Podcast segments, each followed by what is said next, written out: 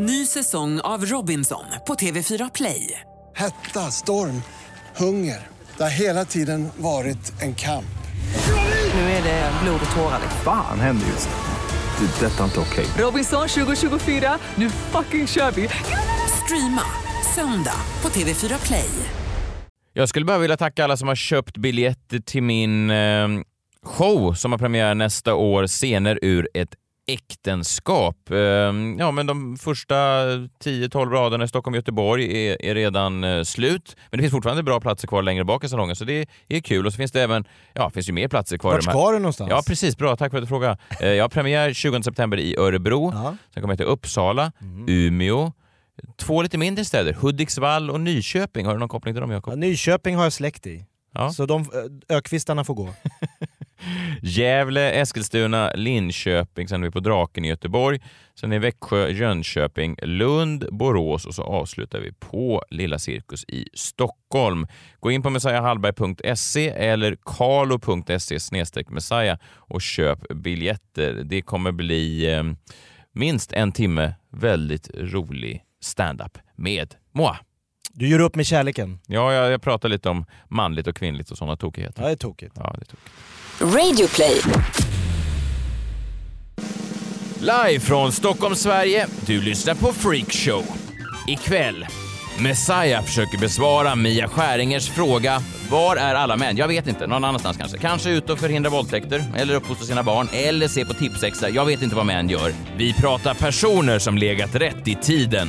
Eh, Joakim Lundell inte hade bott i ett hus med pool utan snarare försökt bryta sig in i ett hus med pool. och Jakob Ökvist har sett dokumentären om världens största influencers. Jag hatar mig själv, jag hatar mina följare, jag hatar... Det här låter som en film som jag skulle skrivit manus till.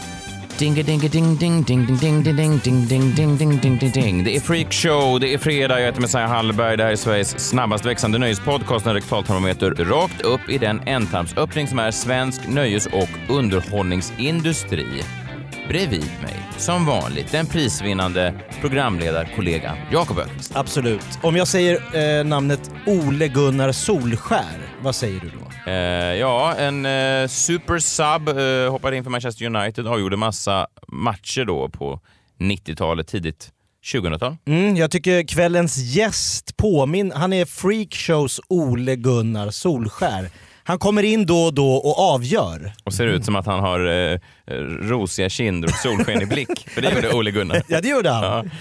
John Wilander Lambrell. Tack, vad roligt. Ja. Eh, Ole Gunnar, han eh, var ju väldigt en glad gutt då. Ja. Eh, och det är ju inte riktigt jag. Nej, det är inte Men du. jag ska försöka och... eh, Liknelsen är inte utseendet utan hans sätt att bara komma in och göra, avgöra i viktiga lägen. jag förstår, jag ska försöka leva upp till, till liknelsen. Bra. Om jag säger 150 000 sålda biljetter, tre utsålda Globen, tre utsålda Scandinavium, biljettintäkter på runt 75 miljoner kronor. Låter det som någon som ligger rätt i tiden? Den som ligger bakom en sån. Jag började tänka på U2, hörde jag hade sålt jättemycket biljetter förra året. Ja, men visst låter det som någon som har fångat tidsandan? Det måste man ju säga. Dagens avsnitt kommer att handla om det här, att ligga rätt i tiden. Och därför kommer jag i tur och ordning avhandla Ann Heberlein, Ivar Arpi, Hulk Hogan, Henrik Schyffert, Sara Larsson, Jockiboi, Grotesco och så till slut Mia Skäringer. Vilket gäng! Ja, Och Spännande. dessa har alltså med att ligga rätt i tiden att göra. Det är som en rebus nästan. dessa har vid någon gång i sitt liv befunnit sig på en plats där de har legat i exakt korrelation med sin samtid. Allt föll på plats. Allt föll på plats. Det är ju rätt. Ja, får man lägga till Ian Wachtmeister? Han kom ju med drag under galoscherna I i, det gamla sosse-Sverige. Ja men visst. Ja, okej. ja. Staplade backar på varann och sa nu kör vi! Ja, absolut. På Runt min i riksdagen. 1990-91. Ja, låg rätt i Mm. tiden. Då skulle jag bara vilja börja med att berätta en liten fin historia. Mm. Vissa människor är ju fascinerade av det här med brottslingars ursprung. Mm. Det kan jag också vara. Det kan vara lite eh, kittlande. Så kan man säga. Så att det är lite, lite kittlande. Men skulle jag vilja skriva en hel bok om det? Mm, ja, kanske inte. Men det ville ju då debattören och författaren Ann Heberlein. Hon startade ett Kickstarter-projekt där hon samlade in pengar så att hon skulle kunna skriva sin efterlängtade bok Våldtäkt och kultur, en kartläggning av gruppvåldtäkter i Sverige 2012 till 2017. Just det. Ja, det är en direkt uppföljning av hennes tidigare bästsäljare Våldtäkt och kultur, en kartläggning av gruppvåldtäkter i Sverige 2006-2011, som vi alla minns. Målet då, när hon tidigare i år startade det här projektet, det var att samla in 400 000 kronor på en månad. Det är mycket pengar. Det är mycket pengar. Men efter ett tag då så avbröt Kickstarter själva insamlingen. De menade att det här var ett hatiskt projekt och att det kunde bidra till intolerans och diskriminering. Så, Okej. att, så att hela eh, insamlingen avbröts. Själva hemsidan som sköter insamlingarna. Gick och sa, för att det, Kickstarter är ändå ett projekt där ganska mycket märkligt får försiggå. Men här gick de då in och stoppade det hela. Och då skrek ju många “åsiktsdiktatur!” Och då bytte Heberlein plattform till Swish och då vaknade svensken. Alltså folkhemmet gick man ur huset för att dra sitt strå till stacken. Hon ville ha in 400 000 kronor. När svenskarna var klara med henne hade de fått in över en miljon kronor. När svenskarna var klara med henne. Oerhört. Ja, vad sa du, hur mycket? En miljon. Wow!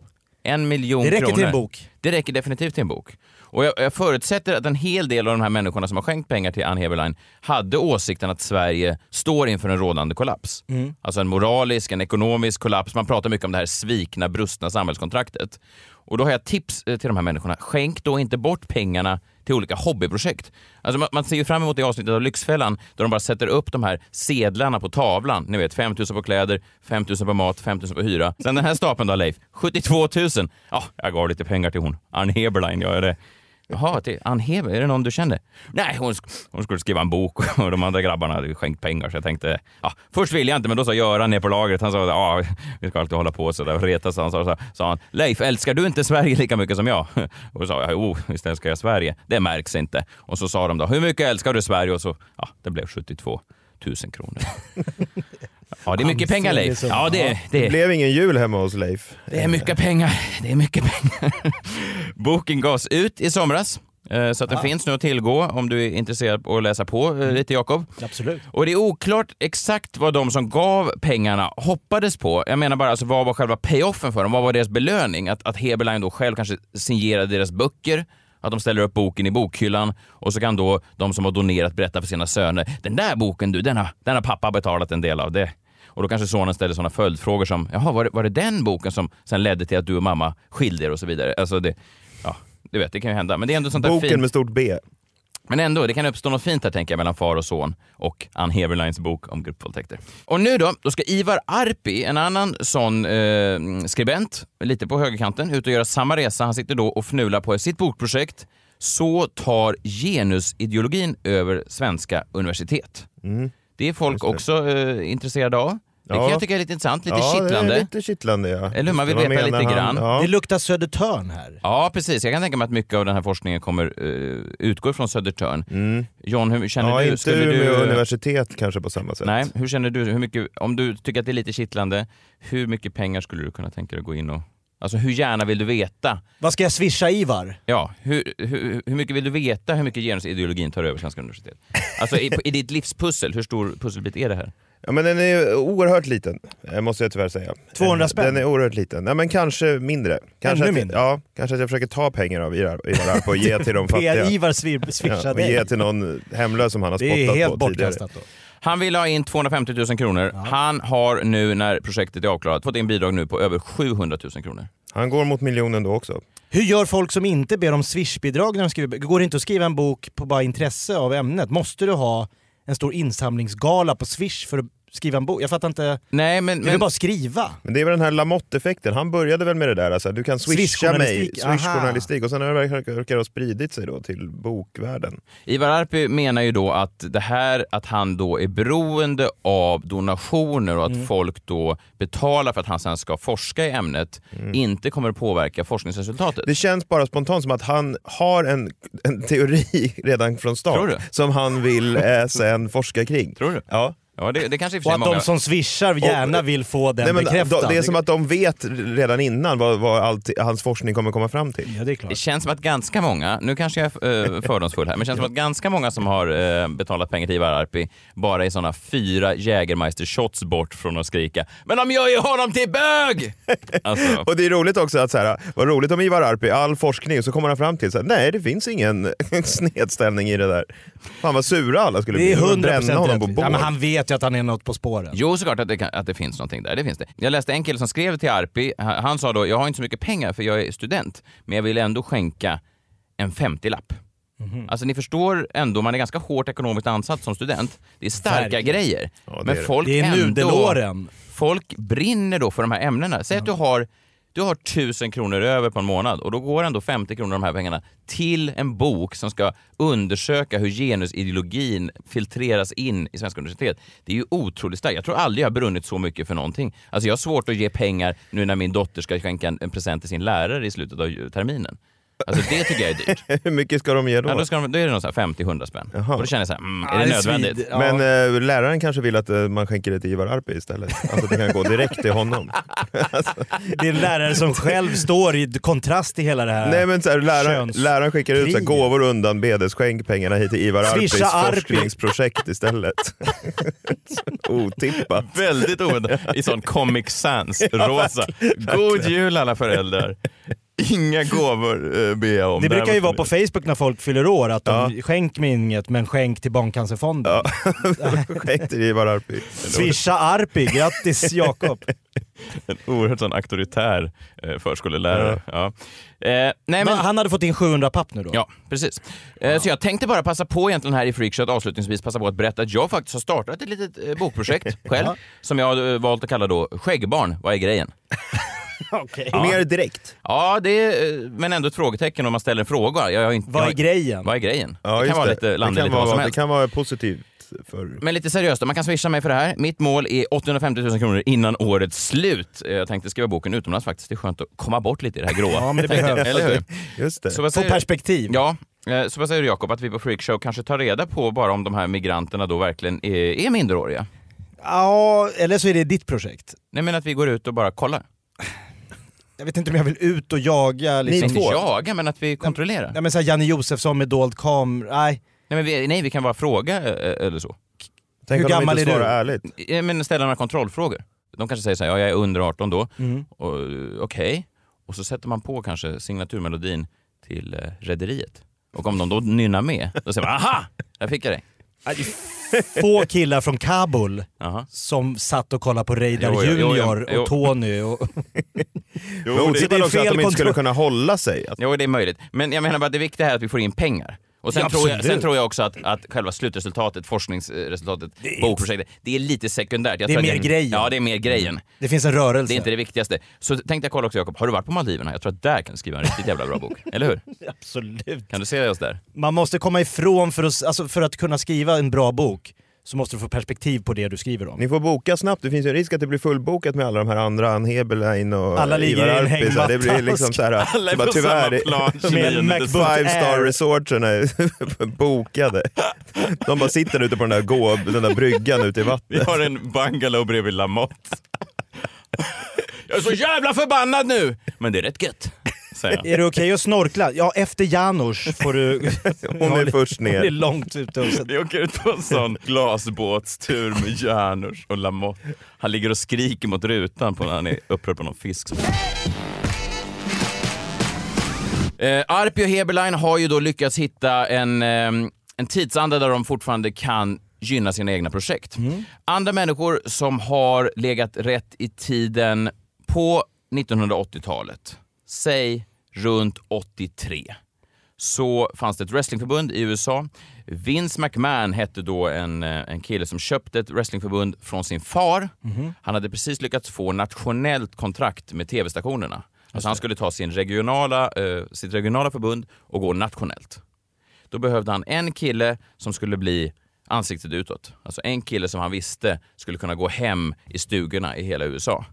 Då föll eh, lotten på en 30-årig man som heter Terry Gene Bollea, mer känd som Hulk Hogan. Legend. Legend, absolut. Legend. Eh, han gjorde sin debut eh, Vilken tur för Hulk Hogan att han fanns där just då. Ja, alltså, för det är det här jag menar. Det skulle kunna ha varit någon annan. Såklart. Musklig, eh, liksom... Fanns hur många som helst på fanns hur många som helst. Men det blev då Hulk Hogan, 30 år gammal, och nu då fortfarande aktiv är han. Han är ju ja, mångmiljonär, mång, mil, han har säkert tjänat en miljard liksom, Mm. genom, eh, genom eh, åren. Så att han var då på exakt rätt plats, på ett exakt rätt tidpunkt och blev då vald och fick då ett, ett härligt liv tack vare det. Eh, vi Men lite som när Mårten Andersson frågade dig om du ville gå med i Raw. Är är det exakt samma sak? Nej, inte ex... Det är precis. Inte exakt samma. Fast det blev inte samma resa. Nej, det blir det inte. 2011, Henrik Schyffert lanserade tillsammans med Fredrik Lindström Ljust och fräscht. Ja. Rätt in i målgrupp. Så Klassiker. oerhört rätt. Klassiker. Han sträcker upp fingret och, och, och känner, ja men vänta nu, är det inte ljust och fräscht även hemma hos en bonde uppe i Timrå? Alltså, en tre- hade den kommit tio år tidigare, när bara stockholmarna hade det ljust och fräscht, så hade det inte blivit den här Nej, ishals... ett, ett par shower på cirkus kanske, Ja. men inte mer. Nej. Men när Kenny med tumring och svanktatuerad fru står och rollar vitt i gillestugan, Ja. då är Schyffert på väg med en turnébuss. Ja, och det, det var ju en av de mest framgångsrika turnéerna någonsin. Han fyllde Skandinavien. Ja, ja, men han var ju, det var ju ishall efter ishall. Sen lyckades då vi spola fram några år så lyckades han ju då både känna av rätt och sen fel. Den 29 september 2015 på Globen i Stockholm så hölls ju välgörenhetsgalan, insamlingen Hela Sverige skramlar. Migrationskrisen stod på sin peak, alla kändisar var där. Schyffert kändes nästan som en sån förgrundsfigur för det. Han tog ofta kampen på internet mot nätrasister och Just det. nättroll. Han gick ut med förhållandet med Nor där också. Exakt med samtidigt, det. Ja. som då passande nog var en, en tjej från Syrien. Just Så det det. var ju liksom som att allt var en perfekt storm. Eh, Var han- det uttänkt? Nej. Ha- Nej, det vet jag inte. Men han lanserade även sin turné, Var inte rädda.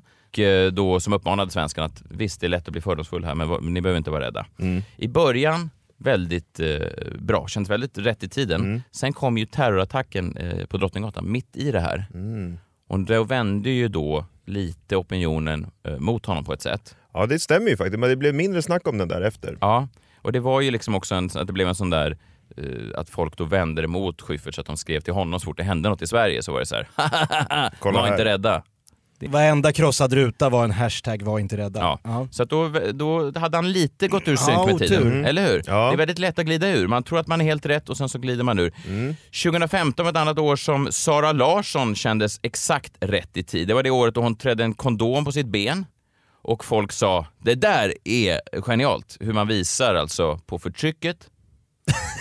Nej men, ja, men alltså att, Ja, men, Men vad var poängen med Sara Larsson? ja men det var helt rätt 2015. ja men alltså ni vet att det var en, eh, Att det var många män 2015 som sa att jag har för stor penis för kondomer? ja. Okej.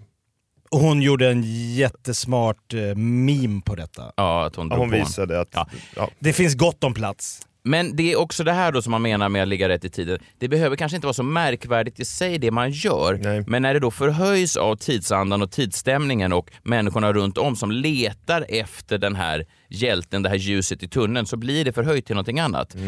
Problemet med det nu är ju också att hon då blir ibland en symbol mer än hon blir en artist. Alltså hon är nästan mer känd som symbol än som faktisk musiker. Och det här beklagar hon sig själv över då när hon var gäst i Helenius hörna för några veckor sedan. Så pratade hon om det här i podcasten och hon var lite ehm, besviken på vad de hade pratat om i själva tv-programmet. För att ibland så um, känns det som i, i Sverige då att jag är allt förutom så här, musiken i sådana sammanhang. Ja, verkligen. Det kan jag verkligen förstå. Alltså vart jag än kommer någonstans så bara, ni så- pratar ju om det här istället. Man bara, fast min musik då? Kan vi inte prata om, kan vi inte prata om den? Ja, För att det verkligen. går ganska bra. Det går jättebra för Ulmella. Jag är stolt, jag är glad, jag är taggad på att äntligen ha någonting ute. Det här är ju då baksidan av att ligga rätt i tiden, kanske för någonting annat än det man egentligen vill stå för och, och promota. Och, alltså det är till och med så att recensent, jag läste en recension av hennes nya singel när den kom, Ruin My Life, så var det nästan så att, att de sa så här, de bad nästan om ursäkt att de gav singeln 3 plus. När hon har så bra och Ja. stort hjärta. När hon är sån, en, en sån bra person i Då övrigt. har man det ju starkt. Alltså när recensenterna har svårt att ge ett lågt betyg för någonting som de tycker är dåligt. Nej, men de kan ge ett, ett halvlågt betyg men de måste lägga in Men det är brasklappen jobbigt, ja. att det... Vi var och kollade på Messiah Hallberg, det var ingen som skrattade men man måste ändå ge honom att han hade behjärtansvärda ämnen och det är en bra kille. Ja, verkligen. det, det, aldrig, det, det har inte hänt. Nej, det har aldrig hänt. Nej, det har aldrig, snarare tvärtom. Där har ni något att... Han var en bra komiker men han är en jävla rövhål. Så det blev en sågning ändå. Eh, 2015 var också året då Jockiboi på riktigt tog sig fram. Joakim Lundell. Han var ju Är det då... så nyss alltså? Alltså, han hade ju hållit på med lite tidiga verk som Dagens Runk och så vidare tidigare. det. Men, men det var ju ändå... Inte det folk, breda Nej. folklagren hade inte upptäckt honom. Nej men det, det var ju den där tiden ungefär när sociala medier verkligen breakade på nytt, där de hittade egna kanaler där folk som tidigare varit med i dokusåpor och blivit kända, det var ju runt den här tiden, 2013, 2014, 2015, där de liksom eh, inte längre var beroende av några andra för att själva tjäna pengar på sitt eget varumärke. Eh, man kan kalla det att det till slut blev för influencersarna den gyllene medelvägen. Det känner ni till. Det är ett begrepp som beskriver hur folk som är kända utan egentlig talang nu kan börja tjäna rejäla stålar på att man kan ha egna kanaler som utesluter gammelmedias makt i form av gatekeepers och god smak. Just det. Mm. Det är ett gammalt klassiskt God uttryck. smak fick du in där också. Ja. Ja. Ja, men det, Ja, man, man låg ja. rätt. Ja, man låg rätt i tid. Verkligen. Ja, Men jag menar bara att, säg 20 år sedan, så kanske en kille som eh, Joakim Lundell inte hade bott i ett hus med pool, utan snarare försökt bryta sig in i ett hus med pool. ja, men det är ju ganska rimligt. Det är troligtvis. Ja, ja. Hade drunknat i en pool i någon Inget fel i sig. 2017 då, förra året, då hade ju vågen vänt, precis som vi tidigare pratade med, med Schyffert. Eh, flyktingfrågan hade blivit infekterad, eh, politikerna hade mm, sagt att de var naiva. Då satte Henrik Dorsin och gänget upp fingret i luften och lanserade sin musikal med Grotesco. Sällan har väl ett humorprogram blivit så hyllat som Grotesco. Är det sant? Eller hur? Det var oerhört, eh, alla, alla sa det här, äntligen någon som gör en rolig take på hela det här. Ja men sen Nile City blev väl, blev väl liksom hyllad men inte, inte på, på Grotesco-nivån. Och det var det bara sättet. ett avsnitt som liksom blev... Ja det är sant. Nej, det, Folk det grät ut. tror jag någon sa. Ja. Ja. Men det, det var, de var rätt i tiden. Hade det kommit 2015 Man har inte förstått någonting. Hela Sverige skramlar. Hade det kommit sig dagen efter Hela Sverige skramlar, Nej. då hade de framstått som hjärtlösa. Lynchade. Cyniker. Ja, men Mm. nästan, nästan lynchade. Schyffert hade kunnat gå ut och sagt så här, fy fan för sådana som er. Men då, två, två och ett halvt år senare, då var det plötsligt eh, helt Perfekt. rätt i tiden. Ja. Helt rätt i tiden. Och det är också så när man går på så här galor nu, eller humorgalor eller kulturevents. Alltså om man kunde få en spänn för varenda människa man pratar som man aldrig har sett i hela sitt liv. som säger såhär, ah, vad gör du? Ah, jag, jag jobbar ju med Grotesco-gänget. Det är, de ynglar av sig, det är så många Det är alltså. väldigt många, det har du det har du rätt i. För det, fin, det finns ju liksom trådar ut från Grotesco-gänget. Jag tänker liksom sminkö, sminkösen har, känner ju någon som har jobbat med någon tidigare och sen så har man då en koppling till Grotesco. Ja, men, Är för, det själva essensen av att man är helt rätt i tiden? För Jockiboi har ju också, hans grannar har ju YouTube-kanaler. alltså, om man är Ja. solen som man kan sola sig i och få liksom... Om, om sminkösen till Grotesco Ja. kan komma före kön på V, ja, men, men det för att så, hon är det, så är det ju någonting. Ja, men jag var på den här humorgalan som var på, på Berns eh, tidigare i höst och då så jag pratade med någon och sa ja tja vad gör du? Nej men jag jobbar ju med Grotesco. Så tittade jag på, är, är du Henrik Dorsin? Men alltså det är det är ju väldigt jobbigt att gå ut på nattklubben V om Jockibois granne kommer in framför en. Ja, det är tufft. alltså det är, då kan man inte gå ut längre. Nej, det är klart du inte kan. Nej, det är ju trist. Det är ett sidospår, men det är trist. Jag håller med dig. Nej, jag menar, jag, jag menar bara att jag tror kanske inte att alla de här människorna jobbar med Grotesco. Däremot så är det som du säger, att alla vill liksom ge sken av att man har varit i närheten av den här briljansen som då 2017 utmynnade i det här flyktingmusikalavsnittet som alla hyllar. Och då i år då så har vi avslutningsvis Mia Skäringer. Va? Vilken succé. Ingen har väl gjort lika mycket för kvinnor i offentligheten som Mia Skäringer det här sista året, det får man väl ändå säga. Alltså jag kan, och jag kan inte ens eh, föreställa mig hur befriande det måste vara att en offentlig person står på en scen och säger allt sånt som man själv har tänkt, tankar som man kanske har trängt undan i många år. Det måste vara eh, enormt eh, omvälvande. Alltså, Absolut. och, eh, stärka kvinnor i sin kamp.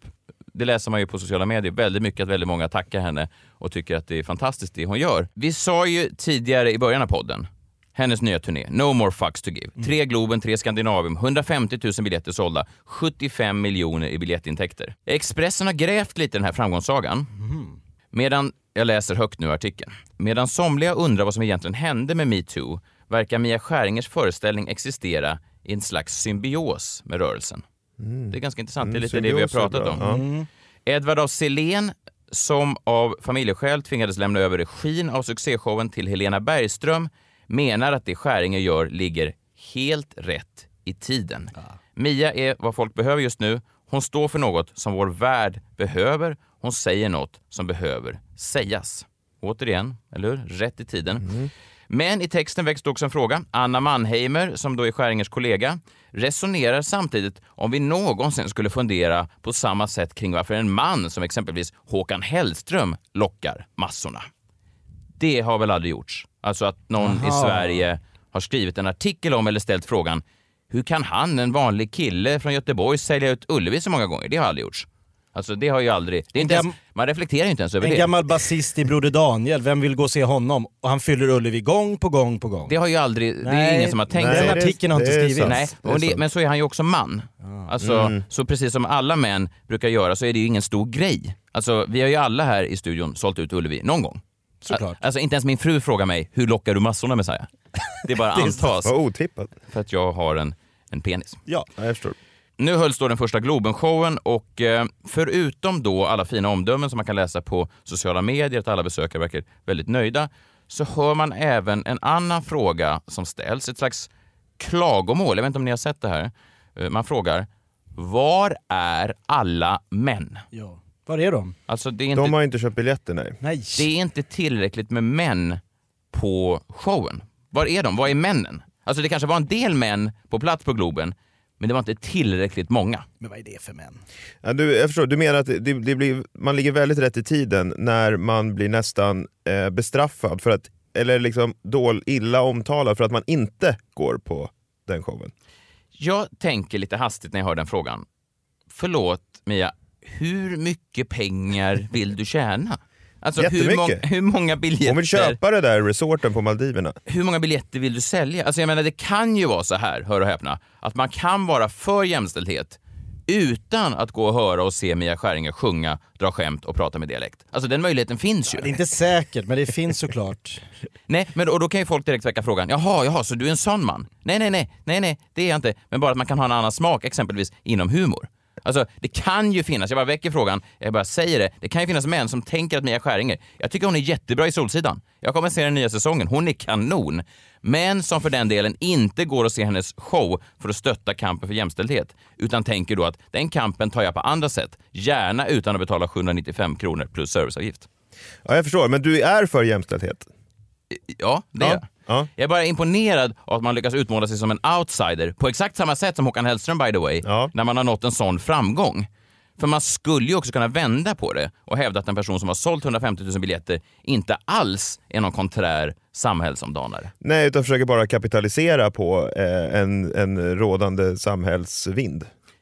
Ja, man skulle till och med Skulle kunna... man kunna säga. Man skulle kunna säga det. Man skulle till och med kunna hävda att Mia Skärings position i samtiden är långt mycket mer framstående och mäktig än många andras.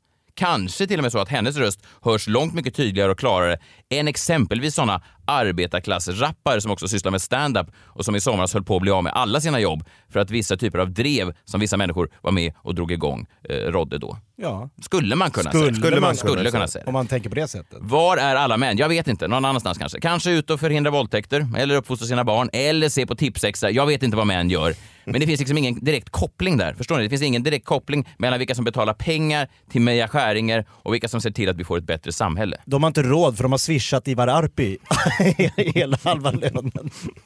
Det finns bara en del eh, slantar i mansportmonnän. Så är det. Ja.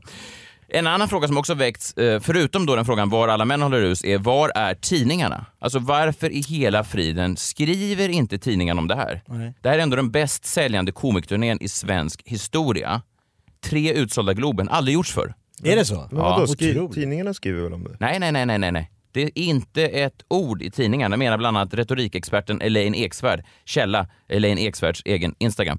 Hon menar det. Hon har ju ingen fog för det, för det står ju i tidningarna. Men känslan är att det skrivs för lite tror Nej men, jag. nej, men Jakob, lyssna här. Svensk media skrev alltså ingenting om Mia Skäringers Globenshow. Förutom eh, eh, DN Dagens Nyheter, de recenserade Globenshowen 25 november och de skrev vilken vrede, vilken humor, vilken ordkärlek när komikern Mia Skäringer jämför män och kvinnors villkor i totalshowen är succén monumental, skrev DNs eh, kritiker. Men förutom det är det helt tyst alltså i tidningarna. Förutom eh, Expressen då som Ja. de recenserade, de gav henne fem getingar och skrev Mia Skäringers jättesuccé, hon är en folkrörelse. I övrigt tyst. Ingenting. Förutom Aftonbladet då, som, som inte bara skrev om Globenshowen den 25 november, utan även recenserat turnépremiären i Örebro bara tre veckor tidigare. Alltså att samma show recenseras då med tre veckors mellanrum. Det är ju nästan som Springsteen när han recenseras på Ullevi. Jo men det är tre tidningar av hur många som helst. Ja, precis. Men förutom de här recensionerna så var det alltså total radioskugga över Globenområdet. Helt, det är otroligt. Inte ett ord. inte ett ord i tidningarna. Det här kan ju bero på att det här inte var Skäringers första Globen-gig också. Om ni känner till det. nej. Redan i november i fjol så stod hon på scen inför ett fullsatt Globen. Då var det kanske lite annat eh, tema. Då stod hon tillsammans med Johan Rheborg och Björn Gustafsson och gjorde showen Boendeekonomi är jättekul. Den arrangerades då av banken SBAB, så jag vet inte om det, det kan ha varit ett annat tema på showen eh, den gången. Jag tror inte att den handlar om just eh, eh, kvinnokampen. Nej, inte ska se, jag kan googla här. Ja, vi kan se vad SBABs marknadschef Lukas Kroll säger att den showen Lukas- handlar om. Kroll. Kroll, Kroll. vad säger herr Kroll? Ja, han säger eh, folk har haft en jäkla rolig kväll. Ja. Framförallt hade man inte trott att det var möjligt att göra någonting kul av det här. Bara att man lyckas ro ihop någonting stort kring ämnet boendeekonomi och får folk att köpa biljetter till en show som en bank arrangerar skulle jag vilja säga är helt unikt. Ja, det måste man säga. Så det var lite annat tema eh, Ja. för ett år sedan då. Men vad fan, så är det ju. Cashen ska in. Eller hur? Ja verkligen, men SBAB hade ju då hoppats på, så de hade ju hoppats på då att de skulle vara i symbios med tiden när de anordnade den här. Alltså så här, var är alla bolånekunder? De var ju i Globen. Men, Jag det, vet inte om de var det. men, men jag vet inte om SBAB gick ut och sa så här, förlåt, var är alla... Varför skrivs det? Det är unikt att vi lyckas fylla med boendelånskunder som betalar 795 plus Var är resten? Tycker du inte om låga boräntor? Eller höga? Eller höga. Ja. Ja. men så är det ju. Cashen ska in och kanske är det en av de starkaste grejerna vi tar med oss av det här. Att Sveriges mest populära och hyllade och rikaste komiker 2018 är en kvinna. Det, om något, båda är gott för framtiden. Tänk sen då i framtiden när männen hittar dit också. Då kan det ju bli över 200 miljoner nästa turné. Det om något vore no more fucks to give. Vi har som vanligt denna vecka ett samarbete med Läkarmissionen och deras kampanj för att stoppa könsstympningen. Mm, jag kommer ihåg när vi fick uppdrag att hjälpa Läkarmissionen med detta. Då tänkte jag så här.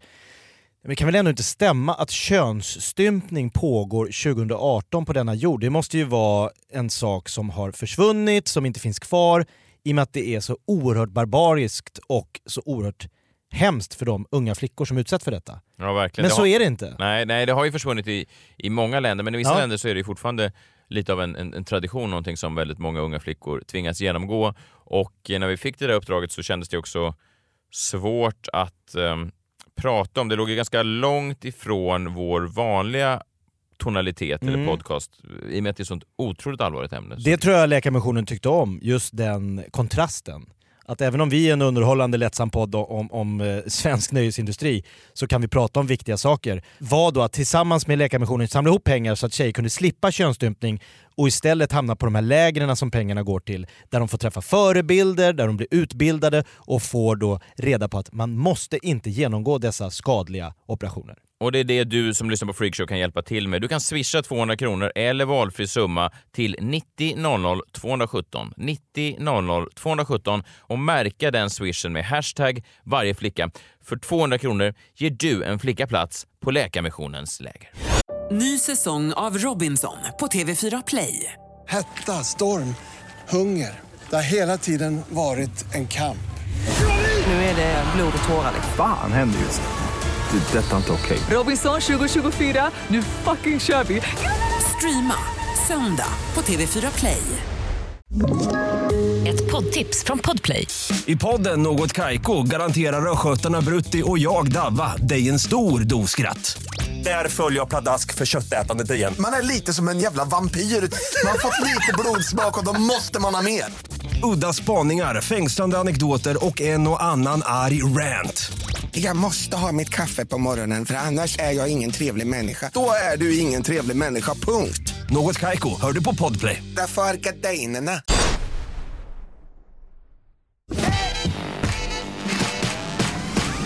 Så då JVL, vad har hänt i ditt liv den senaste veckan? Jag gillar att det här då, smeknamnet du har etablerat åt mig börjar lite fastna. Mm. Du gillar det? Nej men bara så här, vänner och nästan min familj börjar kalla mig JVL nu.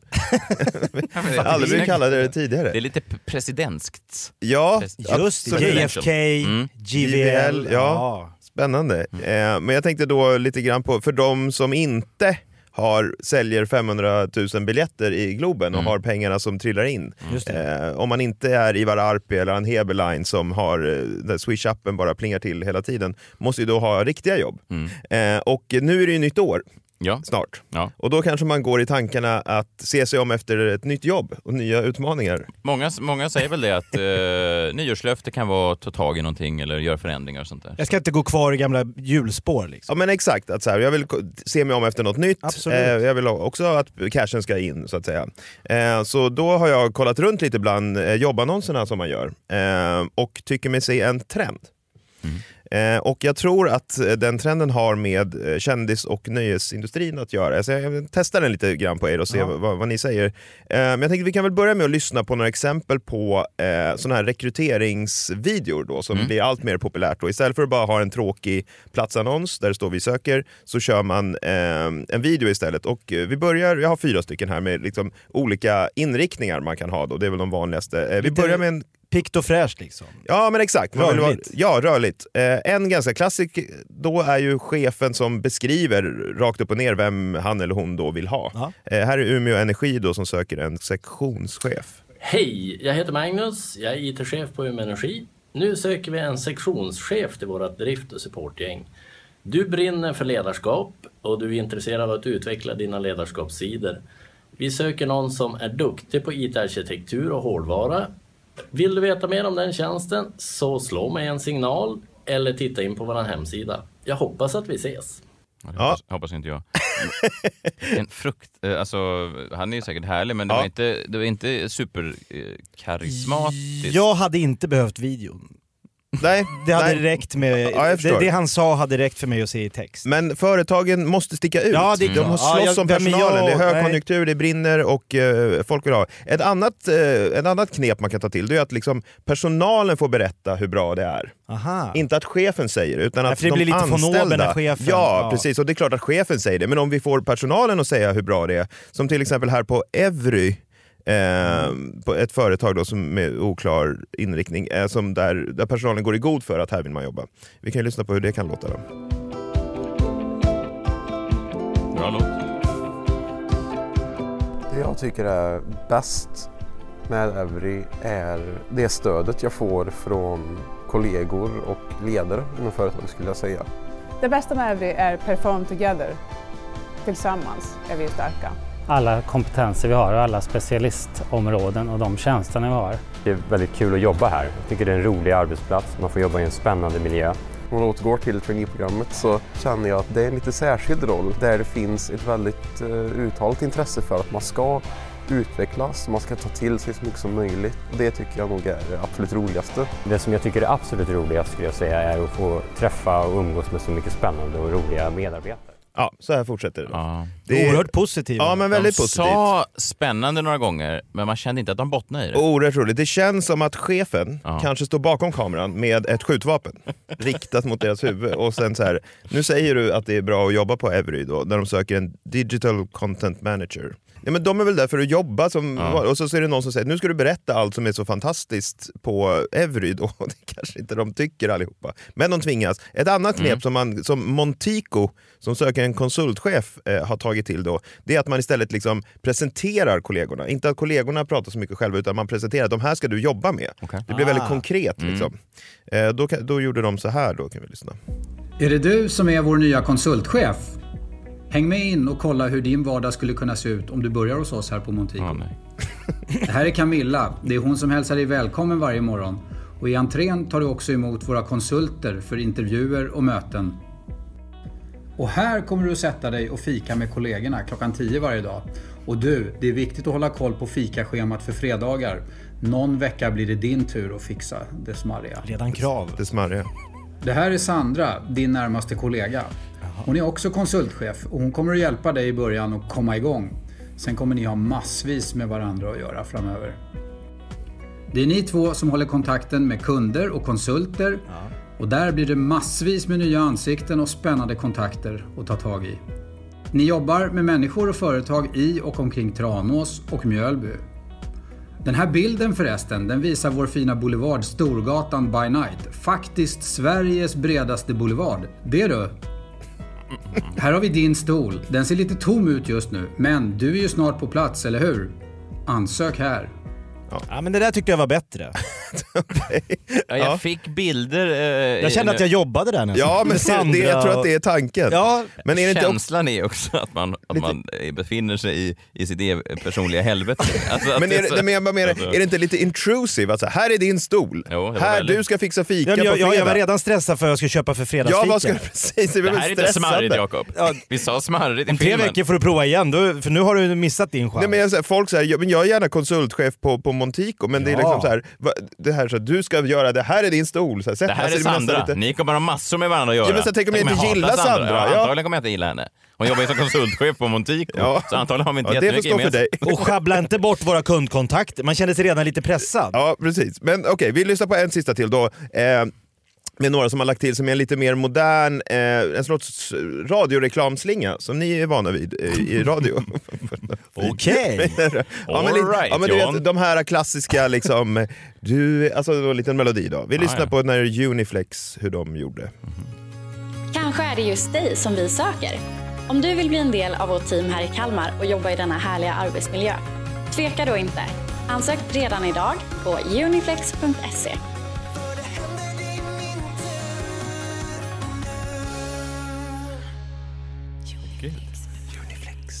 Jag gillar den här Top Gun-musiken. Jag tyckte musiken var svängig. Vad, vad sjöng de? Kan man lyssna igen vad de sjöng eh, i slutet där? För det funkar Nej. för dig. Nej.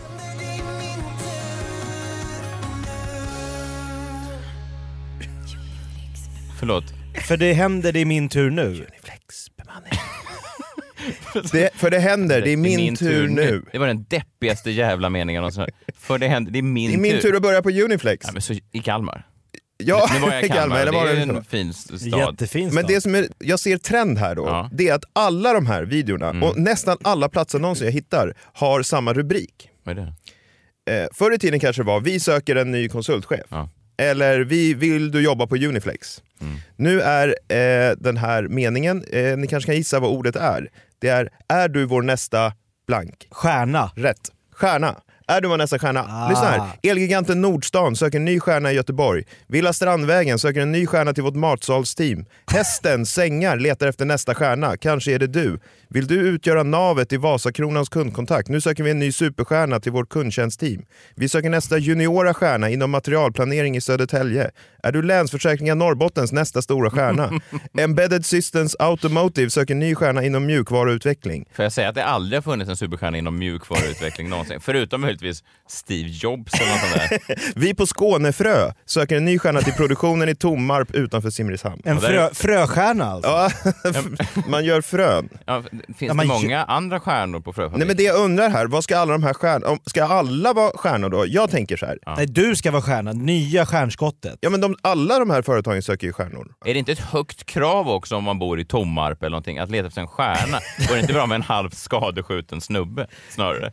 Alltså, En jag före detta halvtidssjukskriven, utlasad. Ska han Torsten halta Är in du där? vår ny- nya stjärna? Eh, nej, det vet det fan alltså. Ut härifrån! Vi skrev tydligt en stjärna. Varför har du inga pilotbriller på dig? Lasse Holm siktade ju mot stjärnor. Han jagade ju stjärnor i jag, TV4. jag tänker så här, de här arbetsplatserna, de måste ju resonera på något sätt. För det- Skånska frön. De resonerar så här tror jag. Vi vet liksom att alla nu för tiden, millennials, dagens ungdom, egentligen vill vara Stjärnor. Youtubers, influencers, kändisar, liksom stjärnor. Mm. Så vi måste locka med det. Att det vi letar efter dig som är stjärna också. De du kan vara försöker här. lura in folk i ett mediokert, ganska trist vardagsliv med förespeglingen att det är stjärn... Ja exakt, alltså, om du bara de gillar mjukvaruutveckling så kan du också bli en stjärna då, men på Skånefrö. Ja, eh, istället för kanske i Idol eller, eller Ja, förr i då. tiden så drog ju alla stjärnor till eh, Hollywood. De hade Ja. drömmar om Hollywood. Men nu kan man då dra till Tollarp istället. Tom, Tommarp, ja, precis. Ja. Och så är det de här långa videorna med folk som sitter och ler framför datorer då och high-fivar till sån här peppig då, iStock-musik. Mm. Eh, men då undrar man ju lite då, eh, de riktiga stjärnorna, de, om man, eh, för de får ju ofta frågan så här, vad var ditt första jobb? Eller vad jobbade du med innan du blev stjärna? Och det tycker ju folk är, är intressant då. Eh, men de liksom motarbetar de här företagens rekryteringsstrategier. För kändisarna har liksom en egen agenda. Eh, eh, de säger inte så här, ja, jag var stjärna på Skånefrö. Utan alltid när de får frågan om vilket deras första jobb var, eh, då vill de framhäva att det var liksom riktiga jobb. Alltså det var inte så konsultchef eller digital embedded content manager, utan riktiga jobb. De vill berätta att de har varit skit det under Ja, naglarna. exakt. Ja. Alltså, vi, jag var en del av folket. Jag är down med knegarna så att säga. Visa att de är mänskliga. Mm. Så jag tänker jag drar eh, några kändisar och så kanske ni får gissa vilka deras första jobb var. ja, spännande. Eh, Roy Fares, konditor och programledare. Det är han, ganska, han är väldigt snygg, är han Mm, inte det? jo. Ja. Jo. Eh, ja, precis. Eh, Han kan ha jobbat som dörrvakt. Nej, eh, mitt första sommar var jag på dagis. Det var det bästa jobb jag haft. Man fick leta, leka, äta mellanmål och sova. Bästa jobbet. Det är ju Ja, han det har ändå lämnat Ja. sitt bästa jobb. Ja, det är ju precis. Och, För att tvingas in i, som stjärna på TV4. exakt, Ja. och det är här man börjar då undra lite grann efter. Om vi drar några fler först då. Babben Larsson, komiker. Vad jobbade hon som? Hon mockade skit. Korvpackare. Eh, mitt första jobb var att förpacka korvar och smörgåspålägg på Visby slakteri. Jag trivdes jättebra, det var bra jobbat kompisar. På slutet avancerade jag till korvskalningsapparaten. Ja, hon trivdes också bra. På Jättebra. Hon ja. var stjärna där på... Ja. Alice Bah Kuhnke, politiker. Disneyklubben va? Gummiarbetare. Mm. Jag rensade gummilister som skulle sitta på Saab-dörrar. Jag tjänade 15-20 öre per list. Jobbet var underbart. 15 till 20, Det där låter som något så här riktigt, riktigt bra att slänga sig med. Men underbart säger hon ju. Ja, men efter gymnasiet var hon på TV4 i Disneyklubben. Jo, men, Men innan det 15 stod hon på gummifabrik och levde livet. det var underbart. Eh, Gunde Svan, eh, skidlegendar. Men han har väl bara eh, åkt skidor? Ja, kan ni gissa då? OS-guldmedaljör. Skidvallare. Skruvade ihop rullskidor. Eh, jag skruvade ihop rullskidor och för det fick jag 17 kronor i timmen. Jag trivdes verkligen. Det var underbart att tjäna sina egna pengar. Ja, jag tyckte också det. Han, undrar om han, hur han, han sätter det då i ändå jämförelse med sen att vinna OS-guld och bli hyllad nationshjälte. Ja, Eh, Björn Ranelid också. Vad tror ni han gjorde? Han tror jag faktiskt jag vet. Han har jobbat som typ skolvaktmästare eller något sånt där. Lagertrucksförare. Då blir jag med. på det. Ja. Det var ett riktigt drömjobb. Jag var väldigt stolt över att klara logistiken och jag trivdes jättebra. Drömjobb. Drömjobb. Då börjar man ju undra lite här. Om den, Varför de går de kändisarna- vidare? Varför går de vidare och gör andra saker om det var så fantastiskt? Då? Så att alla stjärnor drömmer om ett vanligt trist jobb ja. som de tyckte var fantastiskt. Ja. Däremot alla trista jävla dögrävarjobb, de letar efter stjärnor. Ja. Man borde kunna lösa det här. Att de ringer upp Gunde Svan och bara nu har din dröm Ja men det man undrar är ju så här. jag tänker ju att alla parter här ljuger. Ja, ja, alltså, ja, ja, så här, för det, jag kan ta något exempel till här. Lasse Berghagen då Mm. eh, till exempel. Vad, vad tror ni? Eh, Han mo- mockade skit. Mitt första betalda jobb var som skogsröjare. Jag jobbade också som skithustömmare på Ja, men Blå skojar Hammarens du? fjällstation. Jag har alltid trivts med att jobba. Så det var ju superbra. Men mocka, Du det var är ju helt rätt. hästskit. Det Ja, ja. Det var skithustömmare. ba- människobajs alltså. Ja, han tömde skithusen på Blåhammarens fjällstation. Och han älskade Jag har det. alltid trivts med att jobba. Ja, det förstår jag. Ja, det är ju Han lite är märkligt. lång om han ska in där under de här bajamajorna och Ja men då undrar man ju lite så här, men jag har ju länge undrat var kommer de här jobben ifrån, de här konsultchefer och digital embedded manager? Det kanske bara är om, alltså när man frågar de här riktiga stjärnorna då har ju de haft riktiga jobb. Mm. Så de här titlarna kanske bara är omskrivningar. Men när Lasse Berghagen går in och sjunger “Han drog av sig sin kavaj på en julfest” och får 80 000, du tror inte att han, om man då tänker tillbaks när han tömde bajs, skulle han ändå vilja tillbaks till det? Alltså drömmen är, det var bättre ändå då. Ja, jag antar det. Det var ett riktigt jobb. Ja, exakt. Och, eller så är det bara att de här andra, Uniflex och de har liksom skrivit om, det kanske egentligen är skithustömmare. Alltså någon måste ju fortfarande tömma skithusen på Såklart. Blå Hammarens fjällstation. En riktig stjärna kan jag tänka Ja, mig. men jag, då, då tänker jag att... Vi, vi söker, är du vår, Är du vår nästa stjärna? Ja, men, skithusstjärna?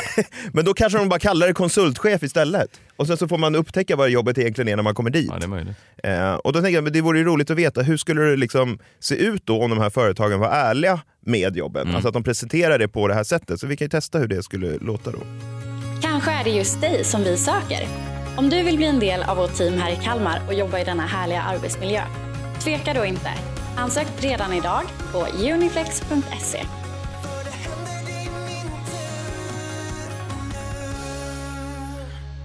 Skithustömmare. Ja, det där, ja, det, man, man blir lite sugen. Ja men det, det skulle vara, liksom, det Ja, skulle vara lite annorlunda Ja, och verkligen. då skulle i alla fall alla slippa ljuga för jag tror att båda parter ljuger just nu. Så se upp där ute, ni som är ute och söker nya jobb.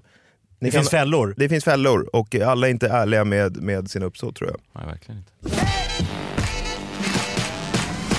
Jakob Ökvist, eh, du har också letat eh, stjärnor den här veckan. Mm, det har jag gjort. Jag är faktiskt eh, helt förbluffad över att vi lite har grävt i samma grop den här veckan. Ut, ovetandes om vad vi tillsammans har letat efter. Mm. Så är det någonting, frågan om det är vi som nu känner vad vindarna blåser. Antagligen. Eh, jag eh, höll på att tappa monocken i ärtsoppan när jag läste en artikel. Eh, för jag tänkte så här. hur långt är man beredd att bjuda in folk i sitt privatliv? Mm.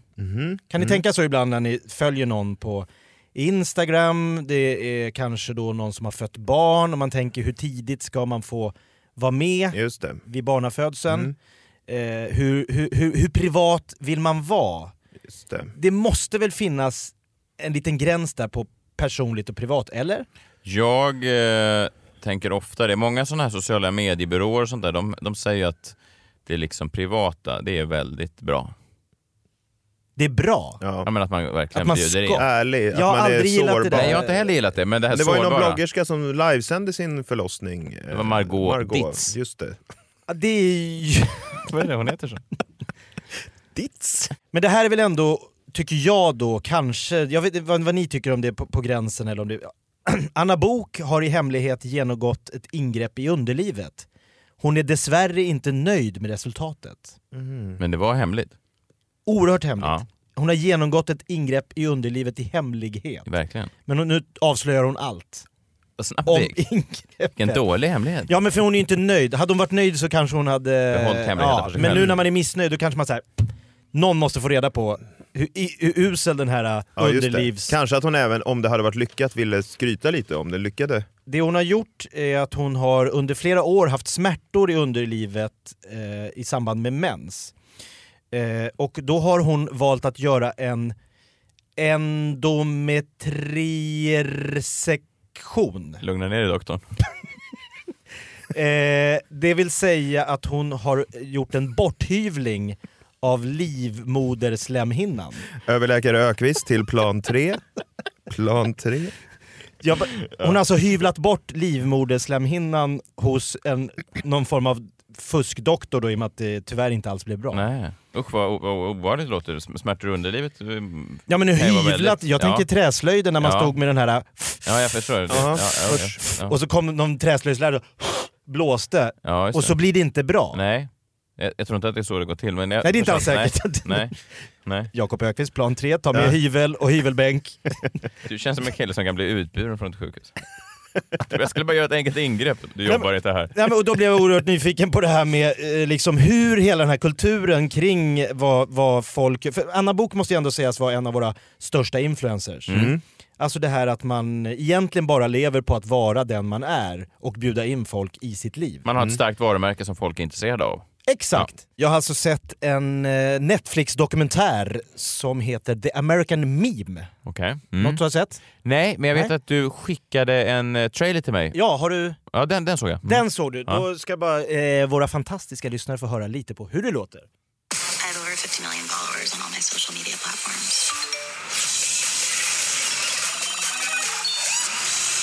Pick up your phone and you can show your talent to the world. Instantly, you could be a recognizable face.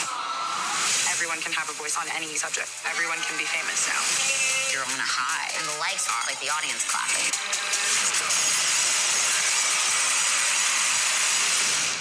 That's how lonely we are. That we're going on here and seeking validation from strangers. We love seeing the people that we think have everything get destroyed. Privacy is dead. I've all broken in my life. I've never wanted to die more. The end game for these people, I think, is going to be sad. age of the digital influencer, it's going to crash. What if you woke up tomorrow and you had no followers? Can you go back to being yourself? Oj, oj, oj. Dramatiskt. Som, start, ja, som starten på en eh, actionfilm alltså. Det handlar alltså om eh, influencers och eh, sociala mediekändisar. Exakt. Man följer bland annat at slut whisperer. At slut whisperer? Följer ni at slut, slut whisperer? Är, är det en, en, en kvinna? Det är en kille. En kille? Som viskar... Han heter egentligen Kirill Bishutsky. Okej. Mm. Ryss. Ja. Fast bor i USA. Ja. Man kan säga att han är en blandning av Bingo Rimér och Mikael Brinkenstierna. Är lite obehagligt namn. Alltså det känns ju... Slut whisperer. Det känns ju... Ja, men lite kvinn, Nej, men man, de bjuder in honom till olika nattklubbar där han då tar med sig kamera och champagne och sen har han med sig några porrstjärnor som kommer fram och låtsas vara vanliga tjejer som vill bli nersprutade av champagne Vilket gör att det här blir en kedjeeffekt då. Då vill ju alla tjejer på nattklubben, kolla där, alla är hos han slut whisperer. Nu vill jag också vara med i det här partyt. Ja, ja, jag Ja, fattar. okej. Okej, ja. Så att jag tänker om ni hade varit på Wall Mm. och så är det någon fotograf där som säger någon som vill vara med och fightas med sina penisar, Mm. då kanske ni hade känt såhär, nej det där är inte min grej. Men om ni ser att det är några som börjar, Mhm. då kanske man dras med i, förstår du? Han, det är en väldigt ja, smart, Ja, ja, ja precis. Jag förstod Ja. inte din liknelse exakt. Alltså någon slags någon fäktning. någon form av laser, alltså om du tänker i Star Wars. Jag förstår. Med penisarna? Ja. Ja, okej. Att en Att det- främling kommer fram och fr- frågar mig om det ja men om ni När han två vill fram och ställa viskar. upp, får jag fota er när ni fäktas? Våra penisar? Ja, chansen är då att ni säger nej, men om tre par före er Nej. gör detta, Nej, jag tror faktiskt inte att eh, det Nej. påverkar mig. alls. Jag skulle snarare tänka, vad är det här för jävla klubb? ja, men tror du inte att du känner dig utanför om inte Nej, du... nej, nej, nej, nej, nej, nej. Man det kan tror ju jag också inte. gå därifrån. Jag tror jag skulle gått därifrån. Vi går till en annan jag klubb. tror att man direkt säger, "Ah, vad fan, ska jag vara den enda som inte fäktas? Jag tror att du möjligtvis hade varit den som känner att det blir lite... Jag vill inte kännas utanför. Nej, det, så, det kan jag tänka mig att du skulle ha gjort. Han har 1,1 miljoner följare på Instagram. Han lägger då upp de här bilderna på när han då sprutar champagne på amerikanska... Eh, han åker runt hela USA. Så han är bakfull varannan dag och så är han full varje kväll. För han sa jag kan inte umgås med de här människorna nykter. Nej. 1,1 miljoner följare. det så han lever otroligt. på det här. Hans familj, hans ryska familj är oerhört missnöjda för alla andra av hans eh, syskon har ju utbildat sig då och blivit advokater, läkare, kirurger. Men han har blivit slut whisperer Mm. och åker runt då på de här penisfäktningarna. Men det är också märkligt, man tänker liksom att, att, att, att ha det namnet, alltså jag fattar att han är en ryss då med kanske väldigt tveksam kvinnosyn. Kirill! Jo, men ändå slatt, man- alltså man kunde väl försökt dölja det, det misogyna lite grann. Ja men alltså, verkligen. Jag menar. det Man hade väl räckt med whisperer? Russian whisperer? Jag, jag tänker att just att det blir så tydligt att man är en dålig person om man lägger in det i sitt användarnamn. The Russian champagne... Nej men det är sv- alltså, ja, han, han har tydlig- Rainmaker ska han kunna heta. Ja. The Russian Rainmaker. Han har slängt ut från Instagram eh, 11 gånger. Jaha, De har men- stängt ner hans konto. Men han har startat upp nya, så det här är hans senaste projekt, Slut Mhm. Whisperer. Okej. Eh, känner ni till Brittany Furlan? Nej. 2,4 miljoner följare. Hon kallades för Queen of Vine. Man kan säga hon var en struggling eh, skådis. Hon Okej. ville bli eh, typ nya... Hon ville komma med i Vänner eller Seinfeld, Elaine, hon ville bli en sån. Mhm. Men det var ingen som tog in henne, hon fick inga roller. Då valde hon att börja med Vine Mm. och hon fick snabbt 6 miljarder visningar på sina Vines. Vine var ju alltså sex sekunders eh, klipp max. Ja, Som slog man- inte så stort i Sverige. Nej men det var stort i USA. Det var Skitstort. Ja, ja. Eh, problemet för henne var ju att Vine försvann när hon var som störst. Ja. Vilket blev hennes stora Så list. hon stod med fingret i luften, hon låg helt rätt i tiden och sen så bara sprang Helt plötsligt försvinner Ja, tekniken ja. som du är Queen of Tufft. Vine. Hon var Mm. störst, störst, störst. Liksom. Ja. Ägde allt Och nu alla. vet ingen vad det är knappt. Alla hennes vänner blev också jättestora stjärnor. Hon var lite som Jockiboi där med grannen. Liksom. Mm. Bara man var med i hennes närhet så blev man liksom touched by the magic. Mm.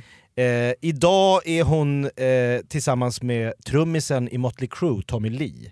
Mm. Och har fortfarande inte fått några roller, för folk på de här olika castingbyråerna säger att du är alldeles för förknippad med Vine. The Fat Jewish, Ja just det, han, han, han vet ju vem det är. Han lägger upp... eh, han- 10,5 miljoner följare. Han anklagas slår väl för att stjäla andras... Han stjäl ju helt enkelt allting. Ja. Ja, det har ju då kommit fram då. Han är ju en av de största eh, influencers i USA.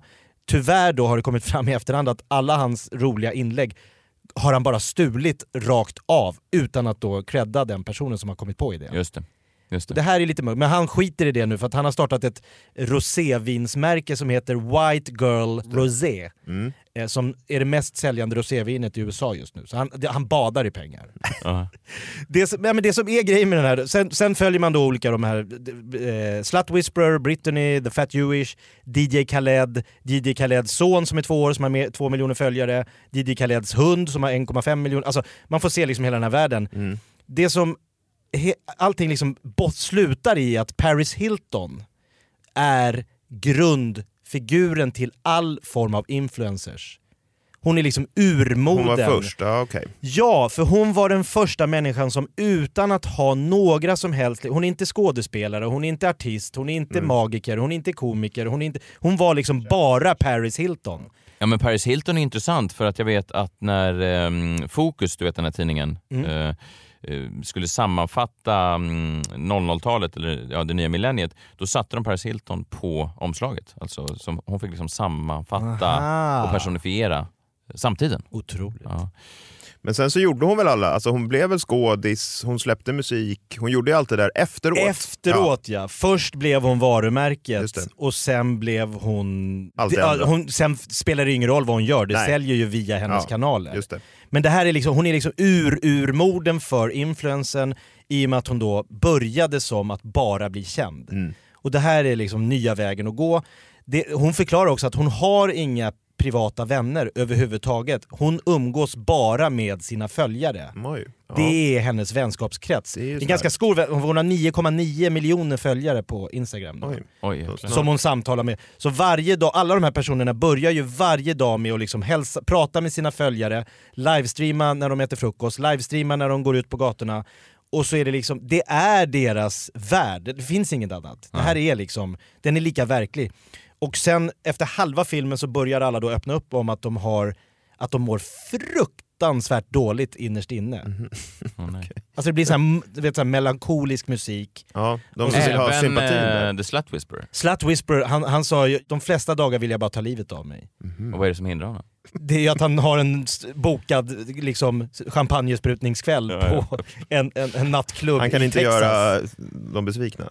Nej. Nej, men de, de, de, de sa jag är ensam, alla mina vänner som jag hade innan jag började med det här har lämnat mig, min familj hatar mig, Mm. jag hatar mig själv, jag hatar mina följare, jag hatar... Alltså det är verkligen så här, samtliga är totalt bara liksom Och jag tänker på de Det här svenska... låter som en film som jag skulle skrivit manus till. att det finns ett lyckligt slut i din värld. Nej, men för ju- ofta så hör man ju om svenska influencers som säger att jag var jag, så nära att gå in i väggen, helt Mm. slut, så jag var tvungen att pausa mitt instakonto fredag, lördag bara för att liksom få Mm. lite andrum. Och det är ju då att ta semester idag liksom, för en influencer. Det är av att pausa kontot i Ja, två dagar. Och gärna låta folk veta att man ska göra den där pausningen. Ja, Ja. Nu, nu kliver jag av. Ja. Jockiboi lämnar Instagram fredag, lördag. Söndag hörs vi igen, då har jag en, ett prank jag kommer släppa. Så, Just det.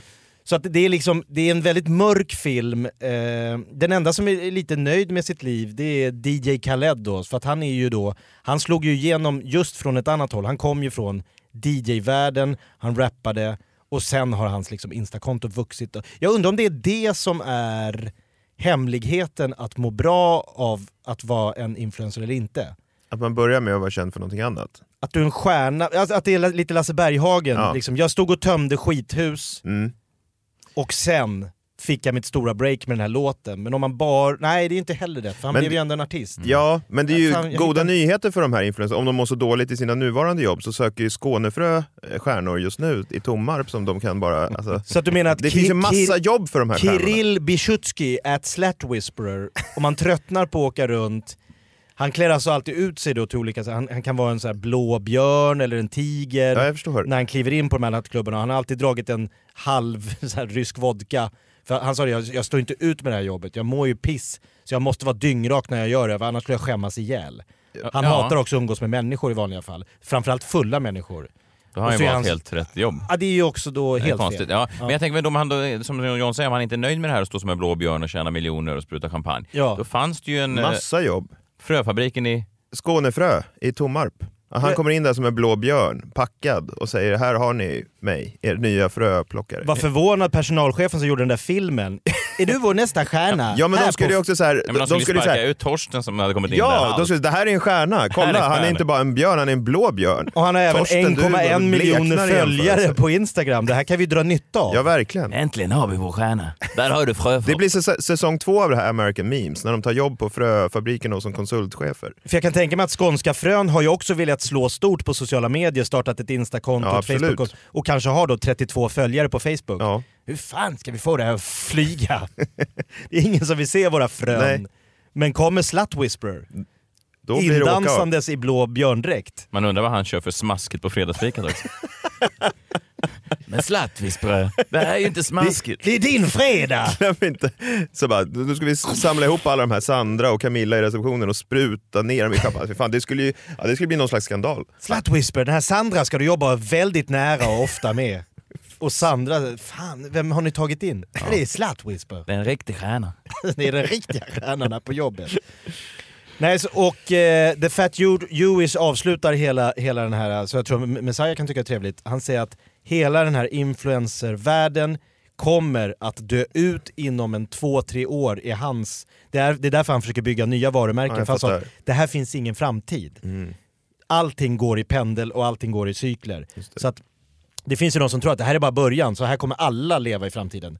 Men i och med att alla mår så fruktansvärt dåligt av det, att ingen tycker att det alltså, det är psykisk ohälsa i grund och botten, Mm. så finns det liksom ingen, ingen framtid för influencerbranschen. Nej. Enligt The Fat Jewish.